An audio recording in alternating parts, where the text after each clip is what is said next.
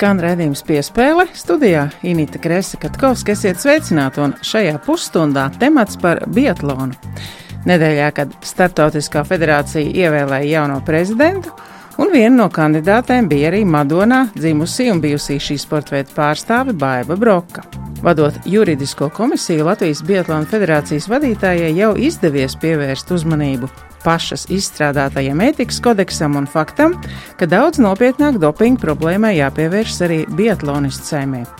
Šajā raidījumā par to, kā un kur trenējas jaunā paudze Latvijā. Paviesojos Alūksnes novada Ziemas sporta centrā Mežonieki, kur bāze izmantota slēpošanas un biatlona nodarbībām un dažāda līmeņa sacensību rīkošanai gan ziemā, gan vasarā. Mežonieki ir bijusi nozīmīga treniņu vieta vairākiem alūksniešiem, arī Andrejam Rastargojevam, un viņa pirmo treneri Sergeju Sverčkovu arī satika šaušanas treniņā. Piespēles ieskaņā dzirdēsim Latvijas Olimpiskās komitejas prezidentu Aldonu Rubļevski par Startautiskās Bietlona federācijas priekšvēlēšanu kampaņu, par lobēšanu un par to, ko Baiba Broka jau izdarījusi Startautiskajā federācijā juridisko dokumentu sakārtošanā.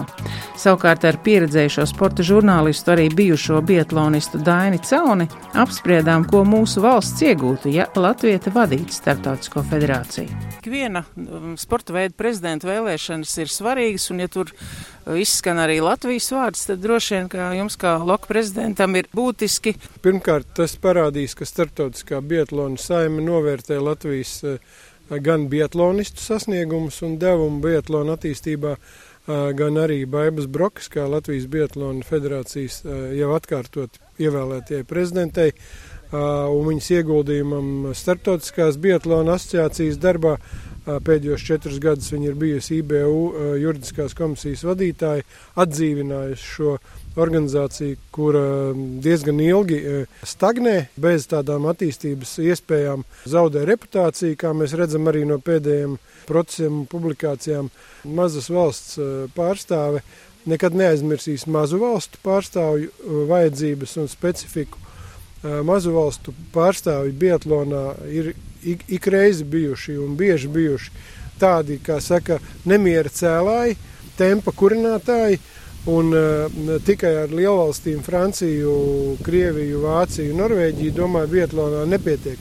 Vietlāns ir interesants ar to, ka ik pa brīdim kāds austrietis, slovāks, latvietis vai vēl kādas citas valsts pārstāvs ielaužās tajā piedestālā un padara to sporta veidu vēl interesantāku, skatāmāku un, protams, veicina sporta veidu attīstību tā, nu, teiksim, tā cepšanās, kas bija pirms tam, ka viņi atbalsta Krievijas federāciju, tas, laikam, ir tomēr normāls process, ja federācijas vadību vai kandidātu kāds atbalsta. Starptautiskā Bietlona federācija, visi Bietlona federācijas biedri pirms četriem gadiem uzticēja viņai federācijas juridiskās komisijas vadītāja vietu. Nevis tikai juridiskā komisijā darboties, bet vadīt šo juridisko komisiju un deva tai uzdevums gan pārveidot federācijas statūtus, modernizēt tos, gan izveidot jaunus noteikumus gan cīņā pret dopingu, gan IBU ētikas kodeksu, kas ir ļoti fundamentālas lietas mūsdienu sportā. Tad tas nozīmē, ka IBU biedri viņu gan pazīst, gan ir novērtējuši, gan arī uzticējušies zināmā veidā.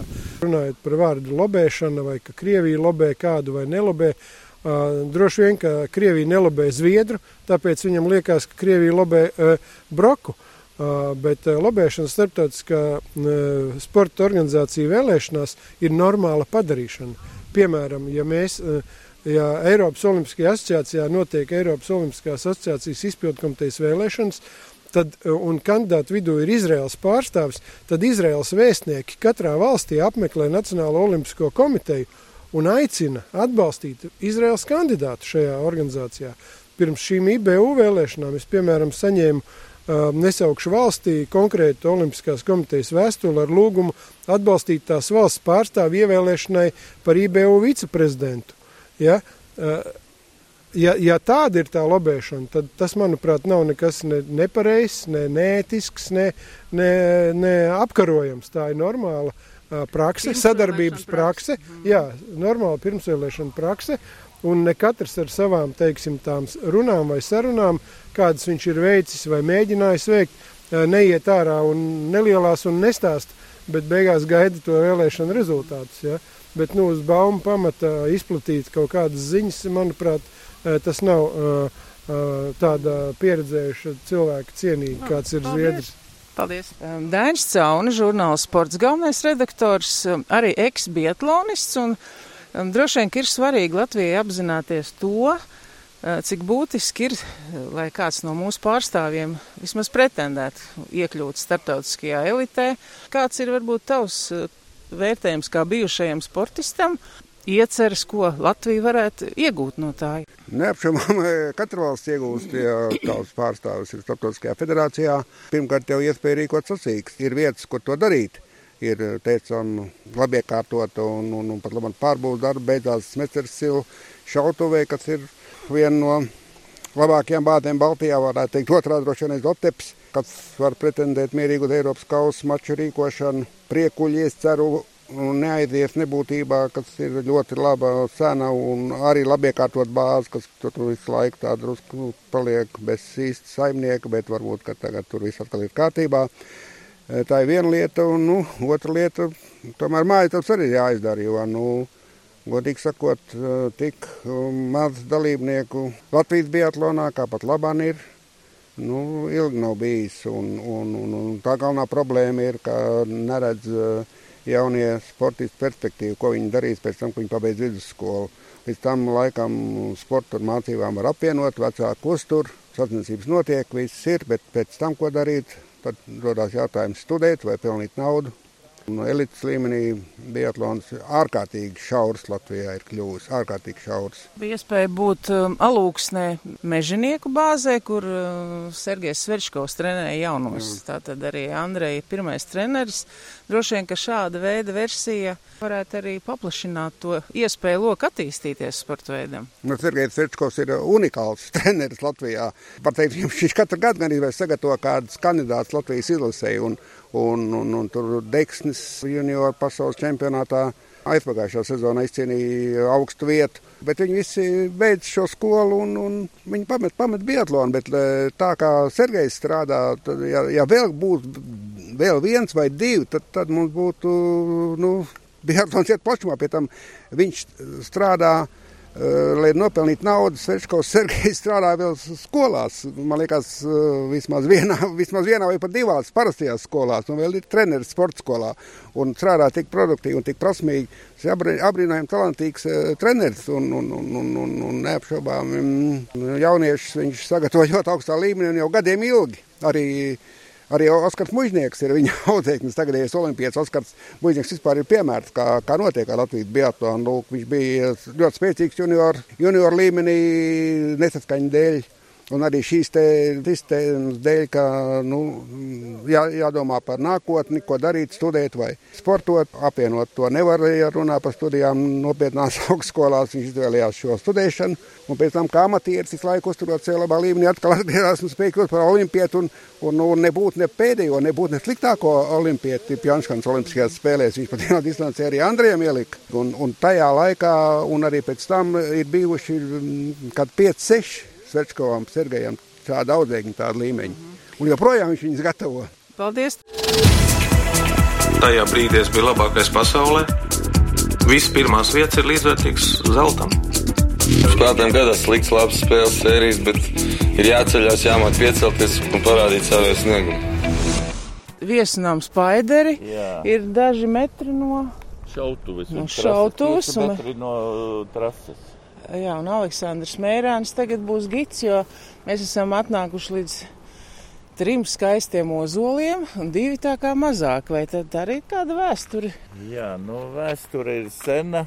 1872. gadā tika uzbūvēta Paidera pamatskola, kas ir pirmsākums alūksnes vidusskola. Un šeit darbojušies aktīvi cilvēki. Viens no tiem vadošais bija Aleksandrs Berkulis. 20. gadsimta sākumā, kaut kā tajos datumos varētu būt, tika iestādīti trīs ozoli ar nozīmi, ko viņš arī, nu, teiksim, dzīves būdams un darbības laikā to ir teicis, kad stādījis, e, kad šeit simbolizē Latviju.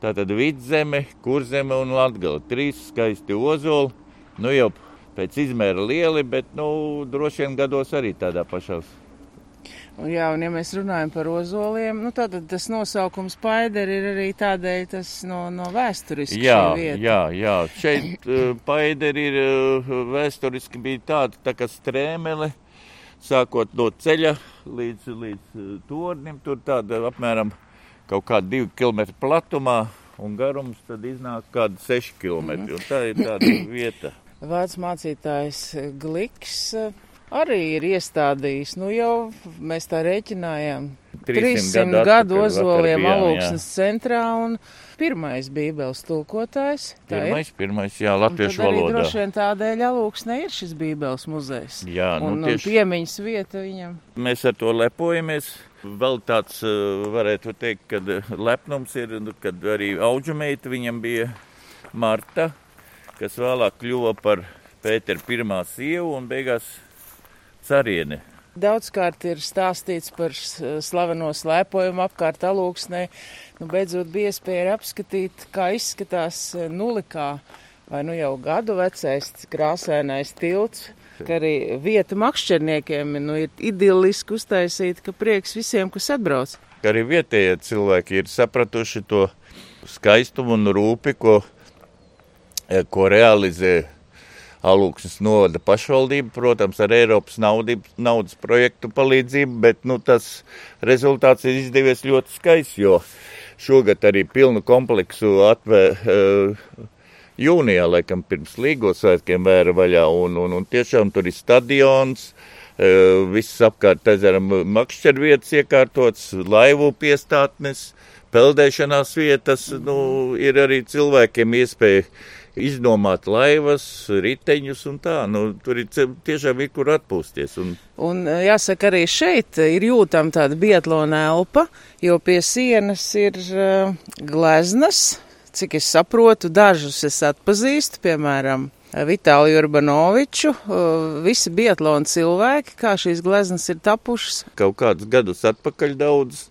Mēs norganizējam, nu, Juris Kaurāts ir iniciators, kas viens no uh, ja, veciem biatlonistiem uh, salidojumu. Un viena no domām bija, kad vajadzētu kaut kā iemužināt un atstāt atmiņu no biatlona pirmsākumiem. Un tā nāca doma sākumā it kā Dināmo eh, kluba visus biedrus, vecos kaut kādā veidā iemužināt vai ne, un, un satiku es vietējo nu, tautas mākslinieku vai kā nosaukt viņu Čerbikovu kungu, un nu, es tādu ideju iemetu, un viņš teica, jā, var pamēģināt. Un tā izveidojās sākumā kobildi, kur vecie biatlonisti ir Elmāra Gatera priekšgalā kā treneris, jā, tur Jānis Gulbis, Vitālijs Urbatovičs, Jevgeņijs Paņukovs, brāļi Upeni, Werners Edgars un Rozentāls Andris. Nu, tie ir tie, kas uh, mūsu Dināmo pamatu pamats sāk, sākuma stadijā. Un pēc tam arī piebiedrojas arī armijas kluba biedri, arī piekrita akceptēt šo darījumu, un tāpēc arī nāca klāt Jānis Čaurs, pasaules junior čempions, uh, Juris Svingris, Jānis Vimba. Vēl arī Aleksandrs uh, Bogdanovs, kas arī bija pasaules čempions junioriem Bietlonā, tas arī nu, tika klāt, uh, sameklētas bildes un arī iemužināts. Vienmēr, kad ierodas uh, apmeklētāji, viņi jautā un nu, tādu īsu vēsturisku ieskatu uh, es viņiem dodu. Un katrā ziņā ne tikai skatoties televīziju, Bietlonu vērojot, bet arī nu, tā kaut kāds pirmsākums zina, kā viņš ir radies un, un no kurienes ir viņš nācis. Mm -hmm. Nu, mēs šobrīd esam vasarā. Mēs redzam, ka uz rolleriem jaunie trenējās, vai ir arī ziemā, ka, piemēram, atbrauc ģimene ar slēpēm un viņiem ir iespēja pa to trasi izbraukt. Jā, protams, eh, iespējas ir ļoti labas manā skatījumā. Un, protams, kad ir labas ziemas, brauc ģimenes ziemā, brauc sagaidīt jauno gadu un, un, un, un ar mērķi, teiksim, nu, šeit paslēpot, atpūsties un, un jaunu dzīvi uzsākt ar jaunajā gadā. E, Šeit e, arī pašvaldība liek savu tādu akcentu. Pirmkārt, e, viss trase ir ļoti labi sagatavot, kad ir sniega apstākļi. Otrkārt, trīs reizes nedēļā arī ir apgaismota trase. Un tas dod arī iedzīvotājiem un arī atbraucējiem iespēju, nu, teiksim, līdz pusdeviņiem vakarā slēpot. Un tā ir liela, jo dienas uh, pamatā uh, decembra beigās un janvāra sākumā ir diezgan īsas, un pēc darba praktiski nav iespējams, bet tādā Tādā gadījumā vienmēr ir, nu, teiksim, ir iespēja arī pēc darba pas, paslēpot. Un tādas iespējas arī izmantojuši cilvēki, teiksim, kas ikdienā atbrauc šeit strādāt, nu, no jaunpiebalgas puisis vai ne, viņš ekskavatoris ir, viņš vienmēr ieplānoja laiku, lai vismaz pusotru stundu varētu paslēpot pēc darba, jā, nostrādā darbu, un tad viņš, viņš pat uzsāk ātrāk, jau agrās stundās strādāt, un, un, un, un, un lai to pusotru stundu viņš varētu arī treniņā izpildīt, kad ir apgaismots. Un tad ir ļoti jauks, skaists ziemas vakars un patīkams tāds Jā, nu tad paldies par sarunu, lai jums uh, entuziasmi pietiek turpmāk un lai atbalstītāji arī nekad nepazūd krūmos. Ja? Paldies jums liels! Ar visu izgatavku, lai padarbojamies ar plinti. Ātri visu darām, jā, bet uzmanīgi šaujam. Tā ir piešaude, ja, ar prātu. Kad es uh, sarunu turpinu ar Matīsu, kas ir nu jau beidzis treniņu, Man bija iespēja vērot, kā tas notiek. Tagad tu esi stipri saguris. Varbūt iepazīstini ar sevi, cik tev ir gadu, kur tu dzīvo, kur tu trenējies. Cik es saprotu, tev viss ir diezgan tuvu. Man trasa ir tieši blakus, kur man notiek treniņi. Man 13 gadi treniņi. Visbiežāk notiek šeit pats, bet dažreiz mēs ejam kaut kur uz pilsētu. Jūs trenējaties ar rolleri slēpēm, braucot pa asfaltu, arī tieši to slidsoli var trenēt ar tām rollerslēpēm, kas jums ir, ja vai klasisko, tad ir pavisam citas slēpes, ja? Nu, klasiku, kā pamatā var jābrauc kāds klasikas rolleriem, bet var arī ar slicoļu rolleriem, bet tad var tikai stumties. Bet pamatā jābrauc, ja centies taisīt citus klasikas, kā kustības, tad jābrauc ar klasikas rolleriem. Diezgan daudz jūs izšāvāt, čaulītis mētājās turpat uz vietas, un es redzēju, ka treneris piebrauc ar savu auto, atver bagažnieku un izņem jums šaujamieročus. Kā jūs paši treniņās saucat tās par laidnēm vai šautenēm? Nu, laidnē ir kā tas, kas satur kā stobru, no kurienes izšaujas loda bet tā mēs saucam viņas par plindām. Nevar mājās turēt, viss ir pie trenera, un treneris izsniedzīs pirms treniņa, jā? Ja? Nu, tikai, ja jums ir atļauja un noteikta vieta, kur jūs varat glabāt, nu, tam jābūt obligāti seifam. Tad var tikai glabāt plinti. Kas tev pašam patīk? Šobrīd jau vislabāk padodas, un kādas ir tev jau bijušas sacīkstas, un es skatos arī pie sienas ir gan diplomi, gan kausiņi kas jau ir tas, kas jau sniedz to gandarījumu tagad? Daži ir mani kausi, lielākā daļa ir brāļa. Nu, viņš arī biežāk trenējās. Nu, katru dienu piecelties, aiziet uzreiz drusku brīvāka sajūta ir. Un labāks garas stāvoklis uzreiz pēc laba treniņa paliek. Par tiem mērķiem, jo katram sportistam jau ir kāds mērķīts jāuzliek, vai maziņš, vai pēc tam lielāks. Kāds ir tavs mērķis? Es izvēlos cik trīniekā. Latvijas čempionātā? Jā, jo es nesen esmu arī sācis cik tagad man būs otrais gads. No nu, ideāls sportā, kam tu vēlies līdzināties? Noteikti Aleksandrs Kužņicovs un mans brālis. Tad es tā novēlu sasniegt viņu līmeni un, protams, ka kāpt uz godu piedestālu un šeit mežoniekos kārtīgi savu sportisko formu uztrenēt, ja? Raidījuma piespēle turpinājumā saruna ar treneri Sergeju Sverčkovu. Leciens, hop, linte, darbojamies Tā ir biatlona bāze mežonieki, vai tā ir jauno biatlonista kauve, kā jūs to raksturot? Biatlona un slēpošanas bāze tas skaitas, jā. Viņa tā kā asfaltēta ir 2,5 aplis ir asfaltēts, jā, un šautave 20 mērķi ir priekš biatlonam. Jāsaka paldies par to, ka jūs treniņu laikā atļaujat arī intervēt sevi, un puiši ir devušies, un arī meitenes ir devušies trasē. Šaušana tas ir laikam biatlona sāpju bērns, un, un tam, cik es saprotu, jūs pievēršat lielu uzmanību arī tagad vasarā. Vasarā parasti vislielākais darbs ir izdarīts, jā, tāpēc, ka tas ir pamats, jā, priekš ziemas, ja es labi visu sagatavošas, tad un ziema būs arī rezultāts. Mhm. Vai ir tā, ka šiem jaunajiem, nu, zināmā veidā tāda gaisma tuneļa galā ir arī mūsu labākā biatlonista Andrē Rastargujeva panākumi, arī tas, ka viņš ir no alūksnes nācis šajā trasē savus pirmos soļus spērs, un jūs esat viņa pirmais treneris. Protams, kā Andris tas ir jau nu, maksimālists, jau unikums. Viņš ļoti daudz strādā, tāpēc, un, ka viņš eh, vienmēr žurnālos vai, vai vēl kaut kādas medijas teica, ka darbs ir noteicošais. Ja? Nu, kurš strādā citīgi, tiem, tiem un jauniešiem un junioriem ir rezultāti. Ja? Tie, kas jau atslābinās, tiem, protams, ka jau grūtāk jau ar rezultātiem tā notiek. Es vietējā avīzē lasīju, ka pašvaldība arī palīdzēs ar trasi, um, apgaismojumu veikt, vēl dažādas citas uzlabojumus. Tas arī laikam ir svarīgi, ka, ka atbalsta un, un saprot, ka ir arī jaunieši jāatbalsta, lai varētu kaut viens talants izvirzīties jau citā līmenī. Protams, ka tas ir ļoti palīdz ja, no pašvaldības. Ja pašvaldība rūpēs par bāzi ja, un, un palīdz, protams, ka tas ir ļoti pozitīvi un Protams, ka liels paldies pašvaldībai par tādu rīkošanu. Atšķirīgi bērni, atšķirīgi talantu pakāpi un arī atšķirīgs eh, darba process. Nu, cik zināms, abas dviņu māsas droši vien brauc arī daudzus kilometrus uz treniņu, lai varētu nokļūt. Citiem varbūt ir vienkāršāk šie apstākļi. Ir tā ka paraugs Andrejam, ja darbs daudz ko dara, ja, viņu māsas arī ļoti citīgi un daudz dara, ja, un uh, iepriekšējā sezonā rezultāts uh, Sanītē, ja, viņa bija labākā no Latvijas jaunatnes sportistiem pasaules čempionāta. Nu, tas jau prieks redzēt tītros uh, kaut kur televīzijā, ka Sanīta tur palika 37. Pagaidām labākā vieta bija. Protams, ka viss ir priekšā.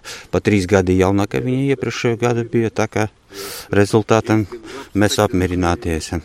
Es runāju ar viesnām saimnieku. Viņš teica, ka praktiski šie laika apstākļi, kas ir šeit, pat 30 cik tur tiem gadiem, tikai trīs reizes nav bijušas ziemas. Tā kā, ja Rīgā vai kaut kur Rīgas tuvumā ir problēmas ar sniegu, tad šeit alūksnē nekad. Nu, ļoti minimāli. Protams, ka tas, tas ir ļoti svarīgi priekš mūsu veida. E, tādi apstākļi, kas sniega, nu, pēdējos gados jau drusciņi jau smagāk ar to sniegu palika jau. Bet divas vietas, es uzskatu, ka kaimiņam mums, Igauniem Haņā, ļoti labi apstākļi ar sniegu. Nu, mums arī tā kā ar sniegu diezgan normāli apstākļi. Kā jūs jūtat, eh, skatoties uz saviem tuvākiem kaimiņiem, no kā mācīties, vai ir kaut kas arī, ar ko jūs paši lepojaties, nu, teiksim, kā madoniešiem vai igauņiem eh, ar šī sporta veida attīstību klājas? Mēs bieži apmeklējam un nometnes un semināros tādas ar igauņiem, jā, un tad, protams, ka pieredze, eh, jebkurš jau var parādīt kaut kādu jaunu, jau kaut ko, lai varētu metodes izmantot tos jaunus kaut kādus paņēmienus. Jā, protams, ka lepojamies par visiem rezultātiem, kad madonieši skrien vai daugapīliši vai, vai kādi citi no mūsu valsts. Jā. Protams, ka prieks par tiem sportistiem un viņu attīstīšanu. Es jau pāris čaulītes paņēmu pa piemiņu. Mēs fonā arī dzirdam, kā sportisti trenējas un šauj, bet eh, zināms, ka viena šāda paciņa diezgan arī padārgi maksā. Kāda varbūt ir tā praktiskā puse, jo, lai tu labi uztrenētu, uztrenētos, tev ir arī daudz jāšauj, tas arī viss daudz maksā. Protams, ka tas ir ļoti dārgs sporta veids. Jā. Tā kā viens treniņš nu, desmit eh, sportistiem izmaksā 50 eiro eh, tīri tikai uz patronam. Jā. Tā kā ļoti dārgs veids ir Nu, daža, teiksim, nu, sports, sponsoru mums nav. Ka, ja grib piestrādāt, tad viņi paši drusciņi tur vecāki palīdz, jā, ar uh, finansējumu, lai vairāk pašaut, jā. Bet uh, citi sameklē jau drusciņi sponsorus, jā, no vecākiem arī tur aktīvi tādi, jā. Bet pārsvarā, nu tā, no sporta skolas ir atbalsts, jā. Un paldies nu, direktorai Līgai, viņa nekad, nekad neteicas vienmēr palīdz, tā kā mēs iegādājamies tas patronos. Jā par inventāru, par to pilnveidošanu. Es dzirdēju, ka Ilmārs Brits esot no tiem, kas par laidņiem var konsultēt. Es arī biju liecinieks jūrmalā, bija kaut kādi atklātie mači, kur jēkabs nākums demonstrēja, nu tāds pludmals, biatlons, mhm, mhm. šaušanas mākslas. Cik zināms, tad visi no tā slavenā četrnieka savulaik ir bijuši gan federācijā, gan kaut ko mēģinājuši lietas labā darīt, bet diezgan daudz ir arī padarbojušies un, gājuši citos darbos. Laidņiem, jā. es paturēju rokās, man likās diezgan smags, bet uh, tas smagums ir tāds pats kā lielie šauji šie, šie ieroči. Ja? Jā, smagums ir tas pats, jā, tāpēc, ka tur ir 3,5 seši nedrīkst būt jau vieglākai laidnei, ar kopā ar stobru, tā kā visi cenšas, protams, ka visu apvieglot, visu uztaisīt, lai vieglāk nest uz pleciem, jā. Tagad jau ir diezgan modernas plintas, jau pēdējais, jau, jau mēs paši taisam tas laidnes pie meistariem Igaunijā. Jā, viens meistars ir, viens mums liesieme, ir Māris tāds meistars, jā, pie viņam es taisīju jau četras laidnes, nu, pēdējais tādas modernas, ņemu no Andrē paraugu un tad Viņi mums taisīja tādas laidnes. Un, protams, ka Ilmars ļoti labi pateica par šitam laidnēm, teica, ka kvalitatīvas ļoti labas laidnes priekš biatlona. Nu, es sapratu no jūs teiktā, ka aug arī baibai bendikai sekotāji. Ja, droši vien, ka puiši arī, nu, īpaši varbūt jūs nemaz negribēsiet te kādu slavēt, bet pēc būtības laikam tāda izbraukšana uz starptautiskiem mačiem arī ir iespēja sev atrādīt, un, un tam bērnam vai, vai jaunietim arī kaut kādā ziņā ir tāds stimuls kaut ko darīt vēl, jau citā pakāpē. Nu, protams, lielākā daļa skatās uz mūsu Andreju, ja, un tad viņš iedvesmo visus jau, nu, tā jau labāk trenēties, lai būtu panākumi. Ja, un viss tas treniņu process ir atkarīgs no, no paša audzekņa. Ja, ja viņš prieku to dara, tad jau rezultāti un ir slēpojuma ātrums un šaušanas precizitāte, nu šie tie temati, par ko ir runāts un droši vien ilgi vēl runās. Bet ir, nu, tas pats furkats, nu viņš šauj tā kā no ko lielgabala tas teiciens, ja? Nu, kā jums šķiet, vai tas tomēr ir tas talanta variants vai ir lietas, ko var arī iemācīt? Un, un kas būs tie mācītāji vai tagad tie norvēģi treneri, kas ir ap Rastargoju, jūsuprāt, nu būs tā zelta atslēdziņa?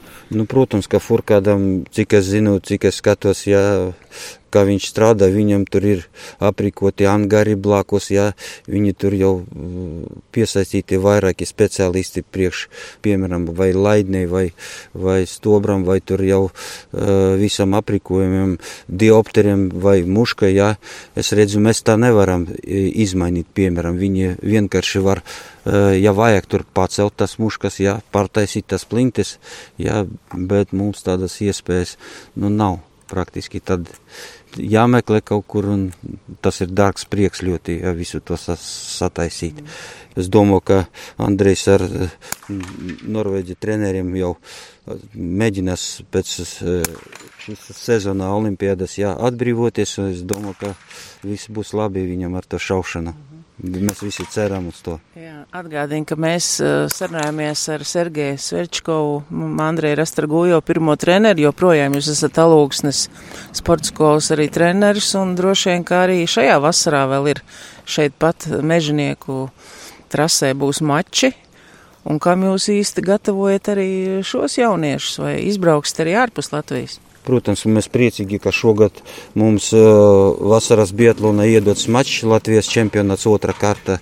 Mēs ļoti priecīgi, ka šeit būs tas sacensības. Jā, protams, ka mēs ceram, ka šo sezonu arī labi startēsim pasaulē, jā, jauniešu līmenī. Jā, tad jātur īkšķus. Jā. -hmm. Labi, paldies mums par sarunu. Paldies. Izskan redzījums piespēle, to sagatavojas Inita Kresa Katkovska. Atvedamies līdz nākamajai nedēļai, kad dzirdēsiet reportāžu no Užavas ganībām. Iepazīsim gleznaino vietu, uzzināsim arī to, kā sporta veterāni, ieskaitot titulētākos olimpiešus Uljānu Semjonovu un Jāni Lūms, aizvadīja rehabilitācijas nometni. Gan nojojot, gan laivojot, gan arī piedaloties stafetēs un pat glezniecībā gleznojot, kā arī uzklausot speciālistu fizioterapeitu lekcijas uz sadzirdēšanos.